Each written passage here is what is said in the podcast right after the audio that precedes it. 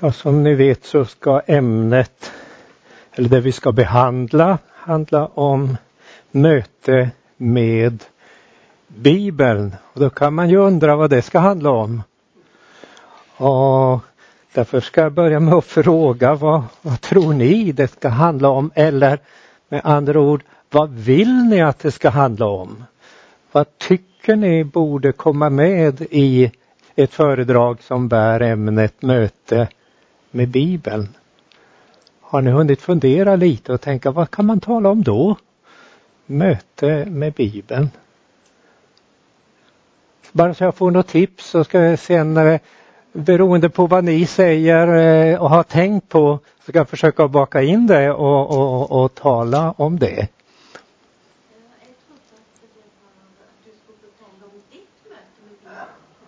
Ja, Eh, det hade jag inte tänkt så mycket men eh, eh, det, det, kan man också, hur mitt möte har varit med Bibeln, det, det tror jag kan baka in om det också. Det, det, ja, Bibelns huvudperson, det allra viktigaste, själva centrum, mötet med Jesus. Det är allra viktigaste och det finns ju fler personer i Bibeln. Man kan tala om mötet med Nikodemus eller med Jesaja eller med Mose eller med Aron eller med Miriam eller Maria Magdalena eller mötet med Paulus eller Petrus. Det vimlar ju av personer. Och, och, och tala lite om dem. Vad, vad kan man lära sig av dem och varför berättar Bibeln så mycket om eh, en rad personer och varför just dem? Det, det kunde ju vara intressant. Men framförallt med Jesus Kristus, själva huvudpersonen, givetvis. Ja, vad bra. Fick jag något tips mera? Möte med Bibeln. Förlåt? Skapelsen. Skapelsen. Skapelsen och vad som har hänt och hur människan har, vad människan har gjort med Guds godhet hur man har frigjort sig och dragit fördärv, eh, nedbrytning. Vi känner alla här nedbrytning, eller hur Elise, du och jag, vi känner vi blir krokigare och vi bryts, bryts ner. Det är på grund av döden, synden, ondskan, föraktet för Gud och att man vänder Gud ryggen.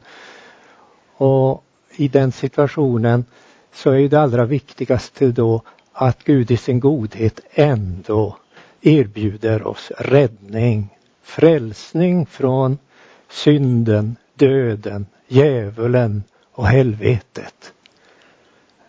Ja, det är mycket att tala om. Kommer ni att tänka på ytterligare någonting? Möte med Bibeln. Man kan ju, jag har tänkt lite grann på hur människor i allmänhet ser på Bibeln idag i vår sekulariserade tid och i, i gången tid. Hur, hur ser man på Bibeln och varför är, använder man sig inte av Bibeln eller är så skeptisk mot Bibeln? Eller eh, säger så här, ja men Bibeln det är ju en sån där konstig bok, det handlar ju om tomtar och troll och, och sådana där konstigheter som är bara är påhitt. Eh, som folk har tänkt ut. Och, och då tänker jag, jaså, gör den det? Har du läst i Bibeln? Och, har du läst om några tomtar i Bibeln? Och, och, och det visar sig att okunnigheten om Bibeln är ju enormt stor och vad kan det bero på i sin tur? Det har jag funderat lite grann på. Och eh, om man då skulle komma in på mitt möte med Bibeln så har ju när jag har försökt tränga djupare in i Bibeln så har man mött så mycket bibelkritik hela tiden bibelkritiken och var, varför är den så stark och så dominerande och så spridd vid teologiska högskolor, universitet och i, i skolor? Hur kan det komma sig? Det finns mycket att tala om här. Men om man nu säger möte med Bibeln, har ni då tänkt på att det, Bibeln är inte bara en bok så här som nu, utan 66 böcker. Och nu är det ju på så tunt papper så man förstår inte hur många, hur mycket det här är mellan de här pärmarna. Så om man nu skulle eh, plocka ut alla de här 66 böckerna och lägga dem här så då skulle man förstå lite, lite grann av det. Från början så var ju de första, ah, de gamla testamentets böcker var ju bokrullar. Måste jag stå här förresten? Eller får jag gå omkring? Det var ju bokrullar där texterna var skrivna i kolumner från höger till vänster och det var alltså på, på läderhudar. Och så kunde man rulla ihop dem och så läste man kolumnerna med där och så läste man och så satte man en pinne så där så att man kunde sen fortsätta att rulla från den ena rullen då upp på nästa rulle och så gick man igenom hela rullen. Jesaja-rullen till exempel som eh, består av 66 kapitel. Den finns ju utrullad på en, en stor rulle i ett museum i Jerusalem. Och, och, där är en cylinder då som är rullen och den är ungefär så här stor som jag går här. Och, och runt den då så är då rullen utspänd. Så att man då kan, kan gå omkring där och läsa originalet de här 66 kapitlen. Och man ser då hur enormt stor rullen är när den är helt utrullad så här. Så kan man gå runt hela den där stor, stora cylindern. Men det är ju bara en av de här 66 böckerna. Ungefär lika stora är ju då de första fem grundläggande böckerna som vi kallar för då Moseböckerna, Pentatevken. Penta vet ni betyder fem och Tevken är just rulle, femrulleboken. Det är alltså fem rullar som eh, är då Guds eh, gudomliga undervisning till oss. Och Guds undervisning har ett särskilt namn. På hebreiska det heter Torah.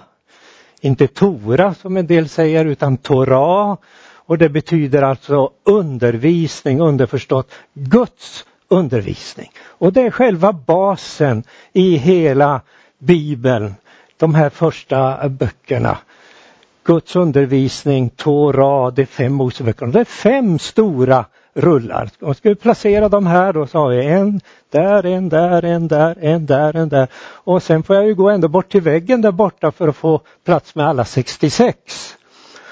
För sen kommer ju då flera rullar, Josua-rullen och sen kommer domarboksrullen och sen kommer då eh, Samuelsböckerna, kungaböckerna och alla de här historiska böckerna för vad, vad hände sen? Och sen alla de här profeterna som inte alla har lämnat skrifter bakom sig.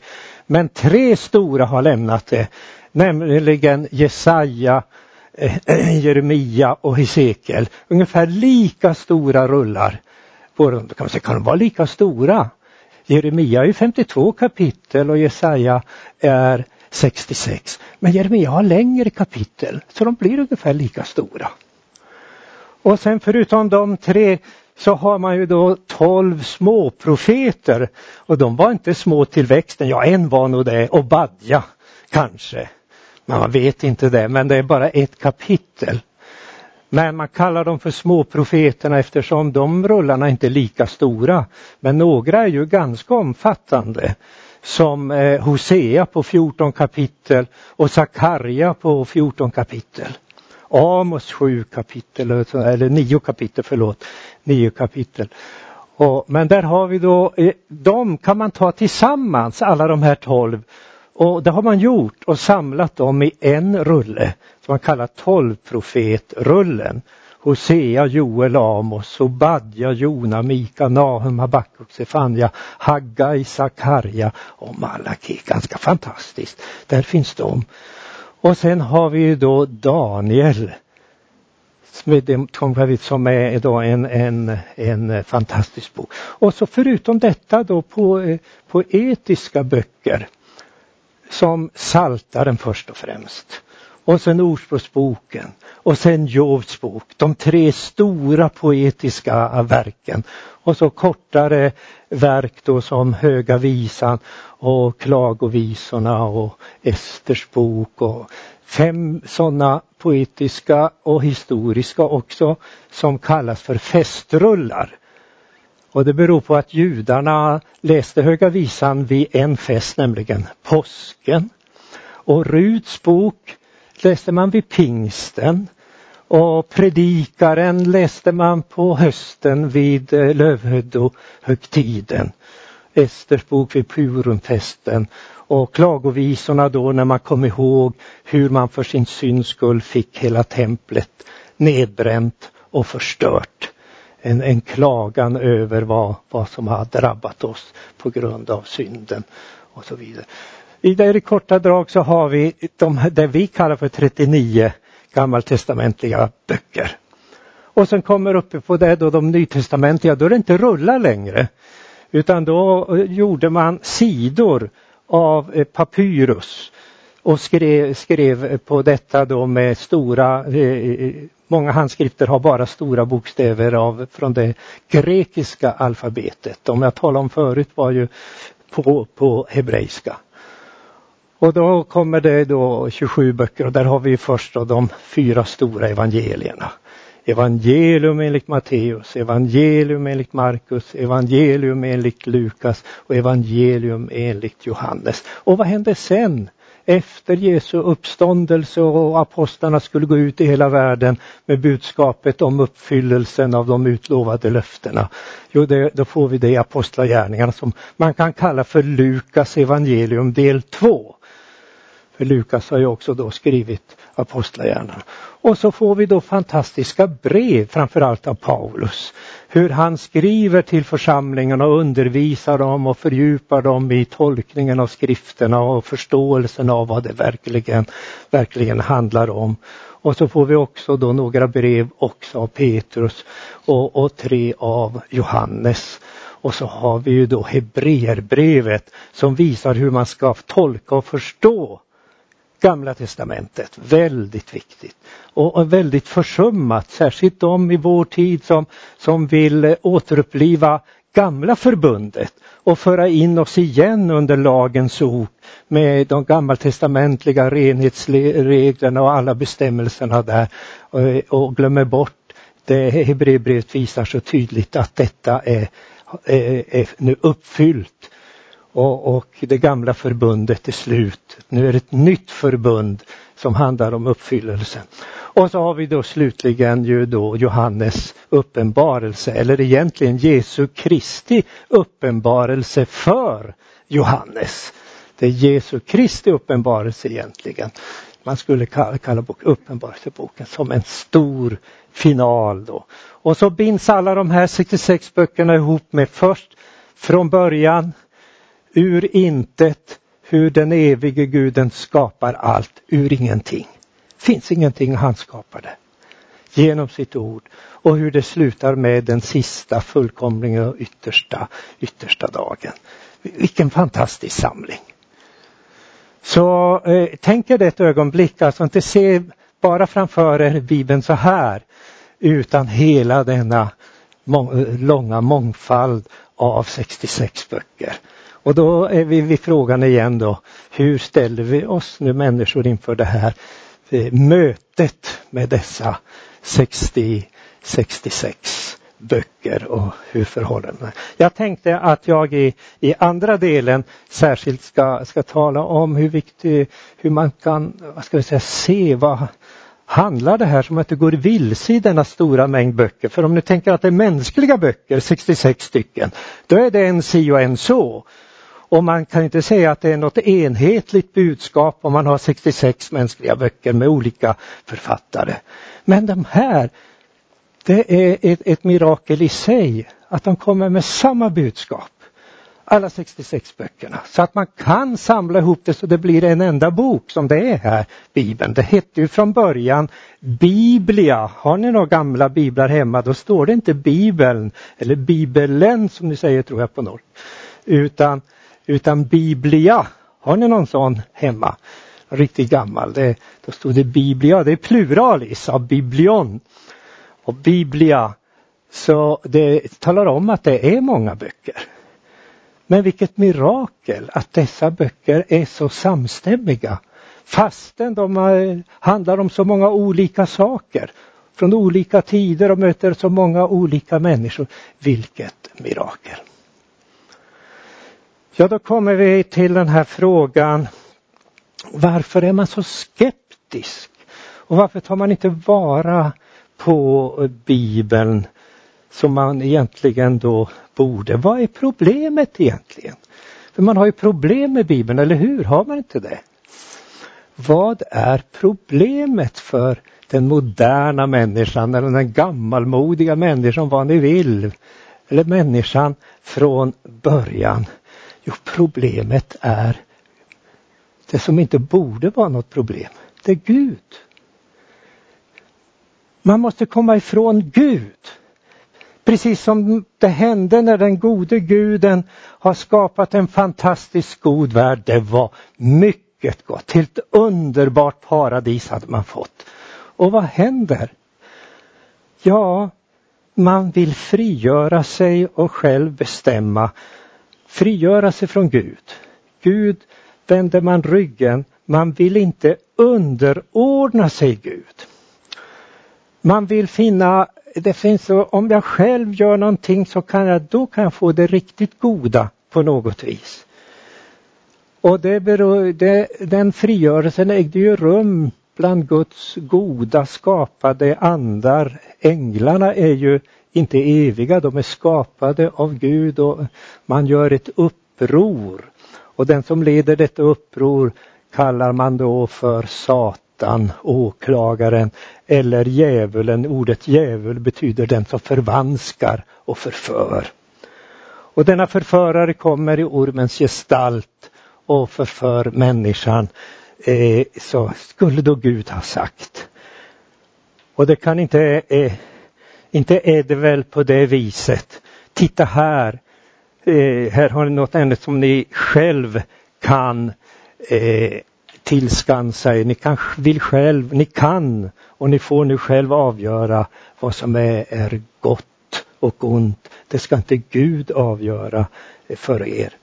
Och så bryter man eh, med Gud och man vill inte underordna sig honom och man frigör sig och det skapar olycka.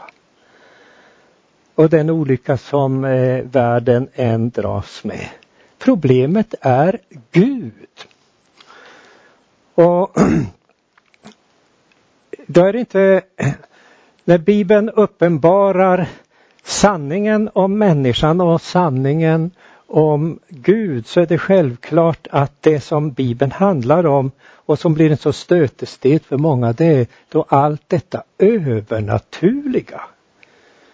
Det kan väl inte vara sant? Om, och ni vet om människor börjar berätta om, om något övernaturligt och någonting så är det ju myter och, och sagor och man, man, man blir väldigt skeptisk. Det är ju, ja vad ska vi kalla det där, inbildningar och, och allt möjligt som påstår. Och, och då det står så mycket övernaturligt i Bibeln det, eh, så måste det väl förhålla sig på samma sätt med det. Att det är nog lite bara konstruerat, det kan väl inte, inte vara, vara riktigt sant. Men då är den stora skillnaden här att Bibelns under, de lyfts fram som verkliga gärningar som man kan se. Precis som vi kan se vissa saker och säga ja, vi ser det händer verkligen det och det händer. Så inte bara då när vi kommer till Nya Testamentet som vill markera då här går nu uppfyllelsen av det, dessa löften så ser man vad Jesus gör. Man kan se att Lazarus kommer ut ur graven. Man vet att han var död, han har varit död i fyra dygn. Han kommer ut där som han var lagd, inlindad så att Jesus säger lös honom ur, ur de här bindorna. Och, och man står där, vad gör vi nu? Vi kommer inte, vi vet att han var död. Vi har sett, vi vet det säkert och, och han nu lever. Men vad ska vi göra? Och ni vet hur motståndarna beslutar där, ska vi inte bara döda Jesus utan vi får nå och lov att döda Lazarus också för det går ju liksom ett levande bevis på att det här är ju sant. Och kommer ni ihåg vad Jesus säger när Jesus eh, undervisar om Gud och hans gärningar så säger han, om du inte kan tro på mig vad jag säger. För det kan man ju säga om, någon, om någon säger någonting så kan man säga, det säger du ja. Men det där behöver inte vara sant. Om Jesus sa, dina synder är dig förlåtna. Jaha, det kan ju vara bluff. Det är inte sant. Och Jesus säger, ja om ni inte kan tro på mina ord vad jag säger, så tro då för gärningarnas skull.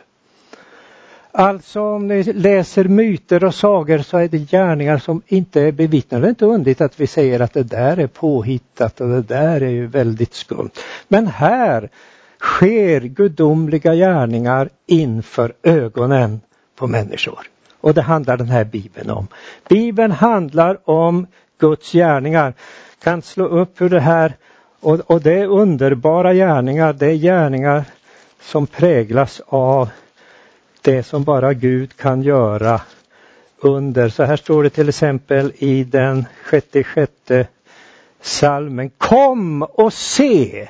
Kom och se vad Gud har gjort. Undergärningar. Eller som man ibland säger, förunderliga gärningar. Man bara står och häpnar inför gärningarna. Förunderliga gärningar bland människors barn, mitt bland människor. Och så nämns det här några saker. En av de stora var ju det som är en förebild för frälsningen som nämns gång på gång i Bibeln, det är räddningen ut ur Egypten. För på grund av synden har vi den träldom som, som eh, vistelsen i Egypten vittnade om. Och man räddas genom ett under, man blir befriad också genom Lammets blod och när, man är helt, när det är helt omöjligt man är instängd framför havet. Jag är övertygad om att det är framför Akabaviken, eh, en gren där av, av eh, Röda havet, så händer det eh, otroligt otroliga att, att Gud gör en väg rakt igenom detta djupa vatten. Han förvandlade havet till torr mark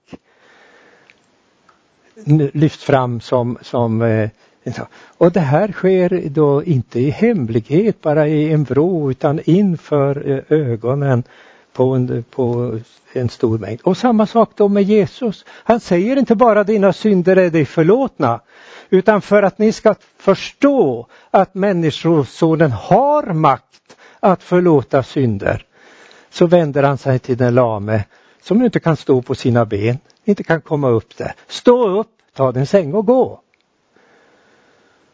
För att de ska förstå när de ser med sina ögon eh, de här gärningarna att det är verkligen sant vad Jesus säger. Det är inte bara ord som vi säger, det är bara ord.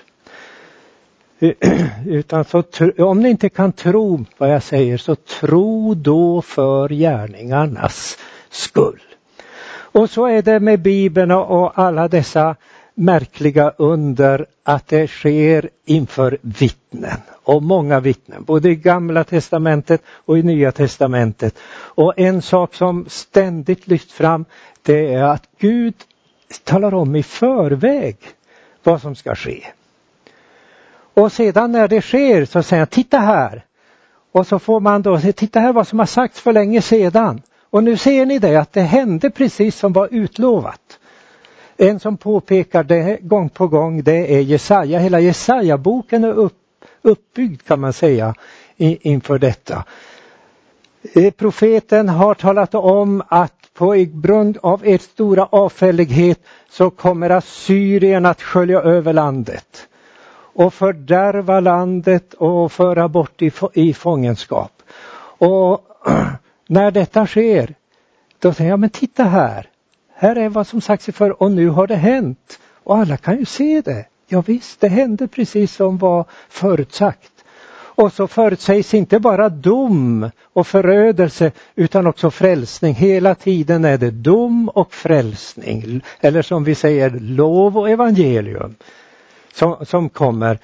Och då säger jag om denne mäktige eh, Sanherib, den assyriske fursten som på Guds uppdrag fick eh, bli ett fredesredskap från Gud och komma med straffdom över, över Israel och Juda. Så säger också eh, Gud då långt i förväg, han ska inte kunna inta Jerusalem.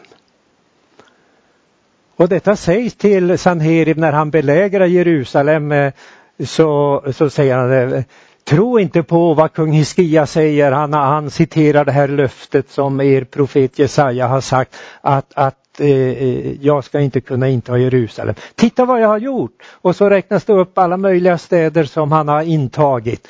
Och inte kunde deras gudar hjälpa dem utan deras städer blev lagda i ruiner och de hamnade i fångenskap och det kommer ni också att, att, att eh, hamna i.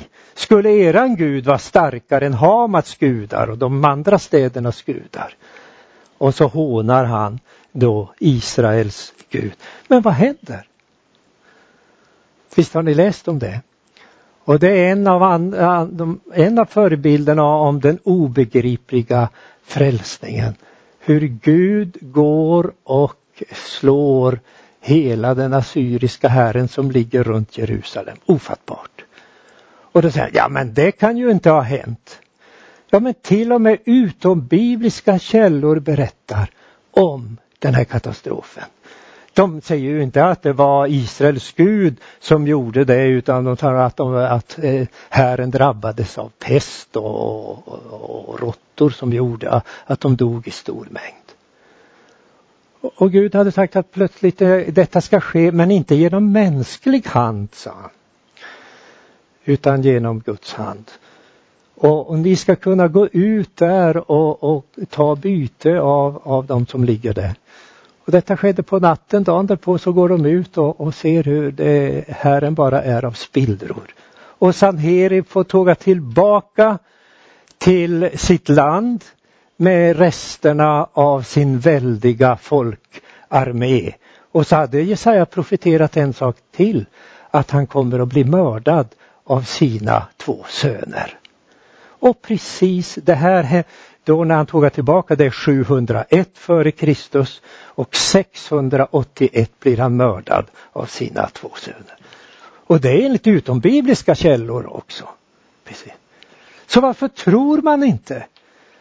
Om du inte kan tro på orden så tro för gärningarnas skull. Och, och det här ett spännande kapitel i Jesaja, det är det 41 kapitlet där eh, det ordnas som en, en rättegång och så säger man titta här nu på vad som har förutsagt och ni ser själva vad som har hänt. Kan ni förneka det? Nej, det kan man inte. Och sen frågar profeten, ja men var är nu era förutsägelser? Ta fram era förutsägelser så kan vi se hur det har gått med dem. De har inga. De har inga att lyfta fram som kan visa det här har vi också vi förutsagt och det, det har gått uppfyllt. Finns inte. Och så, ja men om ni inte har några då så kan ni plocka fram någonting vad som ska hända här efter då. Så, nej, det kan de ju inte. Och det kan ju inte vi. Vi kan inte säga vad som kommer att hända eh, imorgon eller nästa vecka eller om 50 år eller någonting. Det kan vi inte. Vi kan gissa eller någonting. någonting. Men vi kan inte säga vad som ska hända. Och då säger profeten Precis som Gud sände vredesverktyg så ska han sända ett befrielseverktyg, nämligen Koresh. Vi känner honom som, jag tror ni säger Cyrus. På hebreiska heter han Koresh. Han ska komma, han som är en hedning.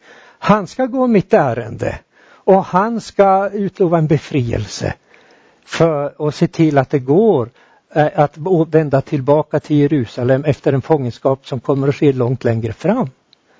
Och precis som mina förutsägelser här sett gått till uppfyllelse och nu kommer med nya förutsägelser. Och de går också i uppfyllelse, inte på Jesajas tid utan långt senare. Då nämligen 538. Då utfärdar denne Koresh som är en medisk-persisk furste som intar Babel och han utfärdar nu är ni fria och gå tillbaka till Jerusalem precis så som det var förutsagt. Så förutsägelser och uppfyllelse står där som eh, styrker eh, att eh, det här bibliska budskapet är trovärdigt. Men om man nu inte kommer så långt så att man börjar och, och, och, eller tar till sig när skriften säger kom och se. Kom och se vilka gärningar som de här texterna vittnar om. Och hur väl begrundat det är och att det är bevittnat. Ni vet att Bibelns ord kallas ju ofta för det bevittnade eller vittnesbördet. När jag läste 119 salmen så står det gång på gång om Guds ord vittnesbördet, vittnesbördet, vittnesbördet. Det är bevittnat, det är ett vittnesbörd, ett säkert, eh, ett säkert eh, vittnesbörd. Men om man inte kommer så långt, man, går, man bryr sig inte om att studera dessa texter. Man behöver, bryr sig inte om att, att se vad är det jag eventuellt tar avstånd ifrån. Det vore ju bra att veta. Om man nu inte kan tro det. Vad är det jag inte kan tro? Så att man eh, lär känna texten och lyssnar eh, ordentligt. Men om man inte kommer så långt så räcker det ju med enligt Bibeln här, ja men gå utanför Bibeln då, för Bibeln kallar vi för Guds särskilda uppenbarelse. Hur han uppenbarar sanningen genom utvalda profeter och apostlar. Men om ni inte vill bry er om profeterna och apostlarna då, ja men gå då till den allmänna uppenbarelsen. Jaha, Ja, vad kan vi dra för slutsats när vi, vi tittar på denna väldiga skapelse? Kan vi dra slutsatsen att den har konstruerat sig själv? Ja, eh, förlåt uttrycket, man får säga då är man dum i huvudet. Fast Bibeln säger ungefär samma sak, då är man en dåre. Och dårarna säger i sina hjärtan, det finns ingen Gud, det finns ingen skapelse, det har skapat sig självt.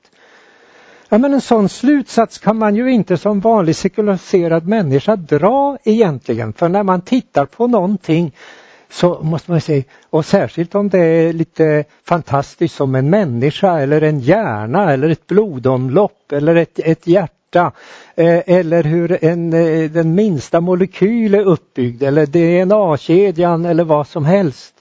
Eller titta upp mot universum och säga, ja men det här måste ju ha finnas en, en otroligt kunnig och intelligent konstruktör eller skapare. Är det någon som säger nu har vi fina moderna bilar, jag ska titta om det finns någon här ute. Ja, där ser jag en. Ja, det var en fin bil där. Ja, den har kommit till av sig självt.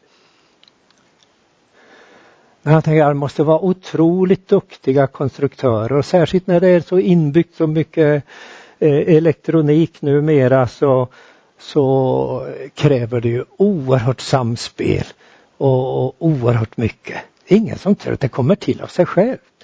Och inte heller är det någon som tror, ja men bara det får tid på sig. Så om, om det får fem år på sig eller tio år, eller ja det måste vara mer för det ser man ju inte att det blir någonting. Men låt säga hundra miljoner år. Då blir det någonting. Ja men titta på den där fina bilen där om, om jag behöver inte säga hundra miljoner år. Men om 10, 15, 20 år, det är rostig och eländig. Och, och det går så här med tiden. Tiden skapar inte. Men det trodde romarna och grekerna. De hade en gud som hette tiden. Kronos. Kronos, kronografi, det känner du igen ordet. Det betyder tid. Trodde på tiden kan skapa. Nej, om man, en, om man inte nu vill gå till den särskilda uppenbarelsen så borde man redan av den allmänna uppenbarelsen förstå att det måste finnas en ofattbar stor skapare. Den store skaparen kallas i Bibeln för Herren Sebaot. Och ska man översätta det eh, så, så, så blir Sebaot då herrarnas Gud. Eller härskarornas Gud. Allt det väldiga där, Tänk bara alla stjärnor, alla himlakroppar. Eh, ja, det är ju så stort som man fattar ingenting. Vet ni var universum slutar någonstans? Var är väggen? Fast man kan eh, fara ut långt, man fattar ingenting. Så man bör, nu börjar man tala om flera universa, inte bara ett. Och hur många är det då? Och, man, börjar mäta så här, ja det är ofattbara mått, det går inte att finna tal om alla dessa himmelska härskaror och alla här på jorden. Tänk dig alla, alla människor och alla kryp och alla varelser. Vilken fantastisk! Ser ni på naturprogram någon gång så måste ni häpna. Och det gör ju också, ska vi kalla det världsliga människor. Så de säger, ja det är helt mirakulöst, säger man. Det är otroligt och vad säger man sen? Säger man så här, och det är otroligt vad Gud har kunnat göra. När man säger, det är otroligt vad naturen kan framkalla. Vad skapelsen kan skapa. Ja, med, med en viss eh, eh besinning så borde man ändå tänka ah, att eh, det måste finnas en Gud. Men vem är han då? Och då är det Bibeln, mötet med Bibeln som, som är så, så viktigt och avgörande. För när man då tänker sig att det finns en skapare så gör man sig då eh, olika bilder av honom och det blir galet. Och Bibeln säger du ska inte göra dig någon bild av Gud. För då blir det galet. Du ska inte göra dig någon bild av Gud. Du ska inga andra gudar hava jämte mig. Du ska ha den sanne uppenbarade guden. Och du ska inte göra dig någon bild av Gud. Och då gör man sig en bild av Gud som eh, ja, alla möjliga religioner vittnar om. Hur man funderar och, och tänker ut. Utan den sanne guden uppenbarar sig mera förutom i skapelsen. Där uppenbaras hans storhet och hans makt. Som Paulus skriver om i Romarbrevet 1. Men eh, hur mera ha, hur han är och hur han räddar oss. Och, och den enda frälsningen den ges bara genom evangeliet. Ingen människa kan tänka ut evangeliet. Om man försöker tänka själv så, så blir eh, det, det galet. För evangeliet, säger Paulus, det är en dårskap för människan. Utan de tänker ungefär som, som eh, man gör där, ja men eh, om det ska bli någon frälsning så måste jag ju då försöka och Gud kräver renhet så måste jag försöka göra mig ren. Och så gäller det att ligga i. Och ni ser hur det har smittat av sig. En stor gren av den kristna kyrkan, den romersk-katolska, den arbetar ju med detta hur människan ska försöka att rena sig med hjälp av Bibeln, med hjälp av helgon, med hjälp av vallfärder, med hjälp av olika saker så ska man försöka åstadkomma denna rening och nästan ingen lyckas, men några få. Och så har man en kommission som då ska avgöra vilka få och de kallar man för helgon. De lyckades med reningen och hamnas, behöver inte renas något mer. De behöver inte hamnas i reningselden som är, eh, vi kallar det ju för skärselden. Ordet skärseld betyder reningseld. Skära mig med isop rena mig med isop så att jag blir ren. Alltså skära och skär, det är ett gammalt ord för att rena och rening. Och så har man hittat på då att de flesta av oss, vi ligger i där så har vi kommit en bit på väg men det behöver mer rening. Och den måste pågå länge då och det kallar man då för skärselden.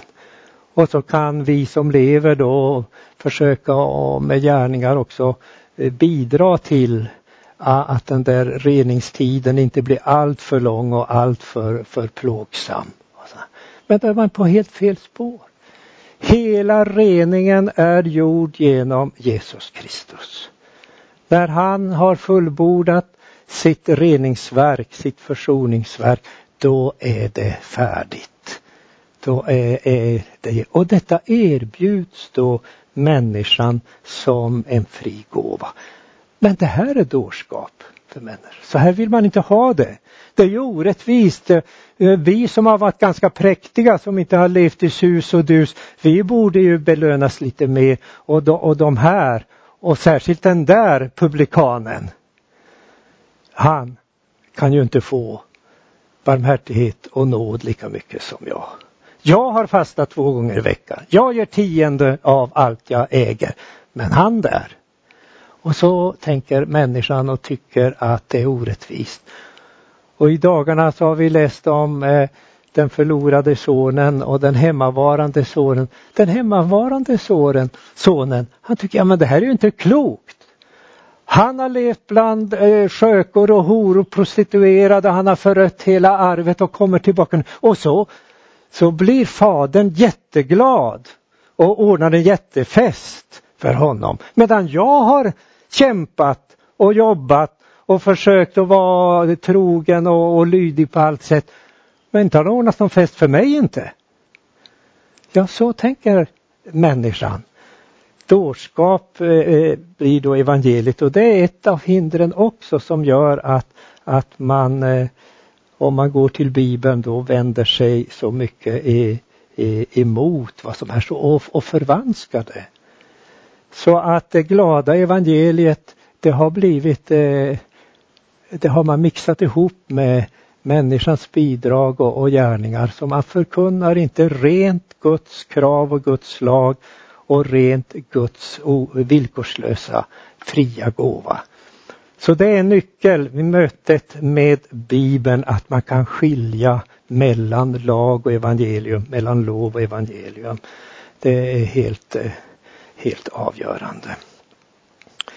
Jag tänkte då att vi i, eh, i andra delen här efter nu en, en paus ett tag så ska vi titta lite närmare, vandra in i Bibeln och försöka se på det som vi kan tycka är svårt vid vårt möte med Bibeln och vad vi kan lära oss när vi möter Jesus och när vi möter Paulus och när vi möter Mose och när vi möter eh, Jesaja.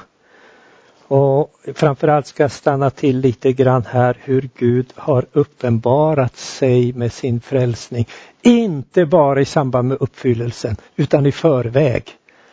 Eh, som, som ett löfte och som en förutsägelse under hela gamla förbundets tid. Och lite grann också vad som är skillnaden mellan gamla förbundet och nya förbundet. Så jag ska inte trötta er, er mera nu, det, eh, då somnar ni kanske. Utan vi får ta lite bensträckare och en liten paus.